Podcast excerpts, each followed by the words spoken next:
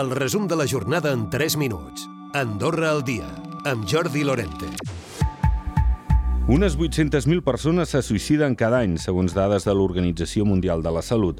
El Col·legi de Psicòlegs ha centrat el Dia Mundial de la Salut Mental en aquest greu problema que el país afecta una dotzena de persones a l'any. I és també un problema molt important entre els joves.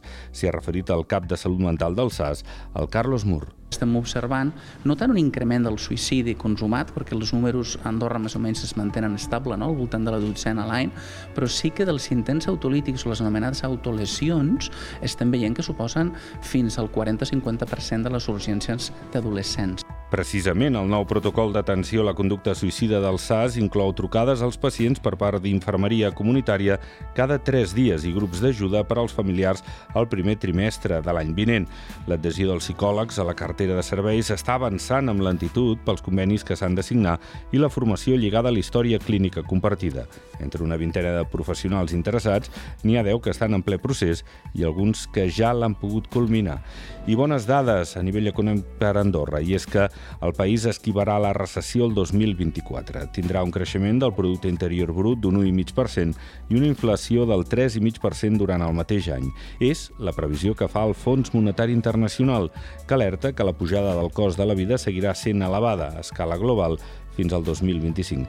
Demana als estats que s'acceleri la transició a una economia més verda. I el primer tram de la desviació de la Massana Ordino sortirà a licitació aquest dimecres i al gener començaran les obres.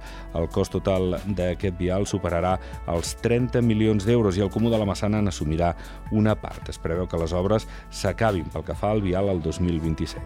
I aquest dimarts han celebrat la Jornada als Padrins, la festa magna. Unes 500 persones han participat dels actes i especialment del dinar. El president de la Federació de les Associacions de la gent gran, Félix Zapatero, ha parlat de que la situació pel que fa als plans de pensions ara és una mica més folgada que fa uns anys. La branca de pensions de la CAS l'any passat va tenir un superàvit important, aquest any tindrà un superàvit important i l'any que ve també, perquè, perquè com que eh, les cotitzacions van, és un percentatge dels sous, si els sous augmenten en funció de l'IPC, que i si l'IPC és alt, les cotitzacions per les dues branques de la CAS augmenten substancialment.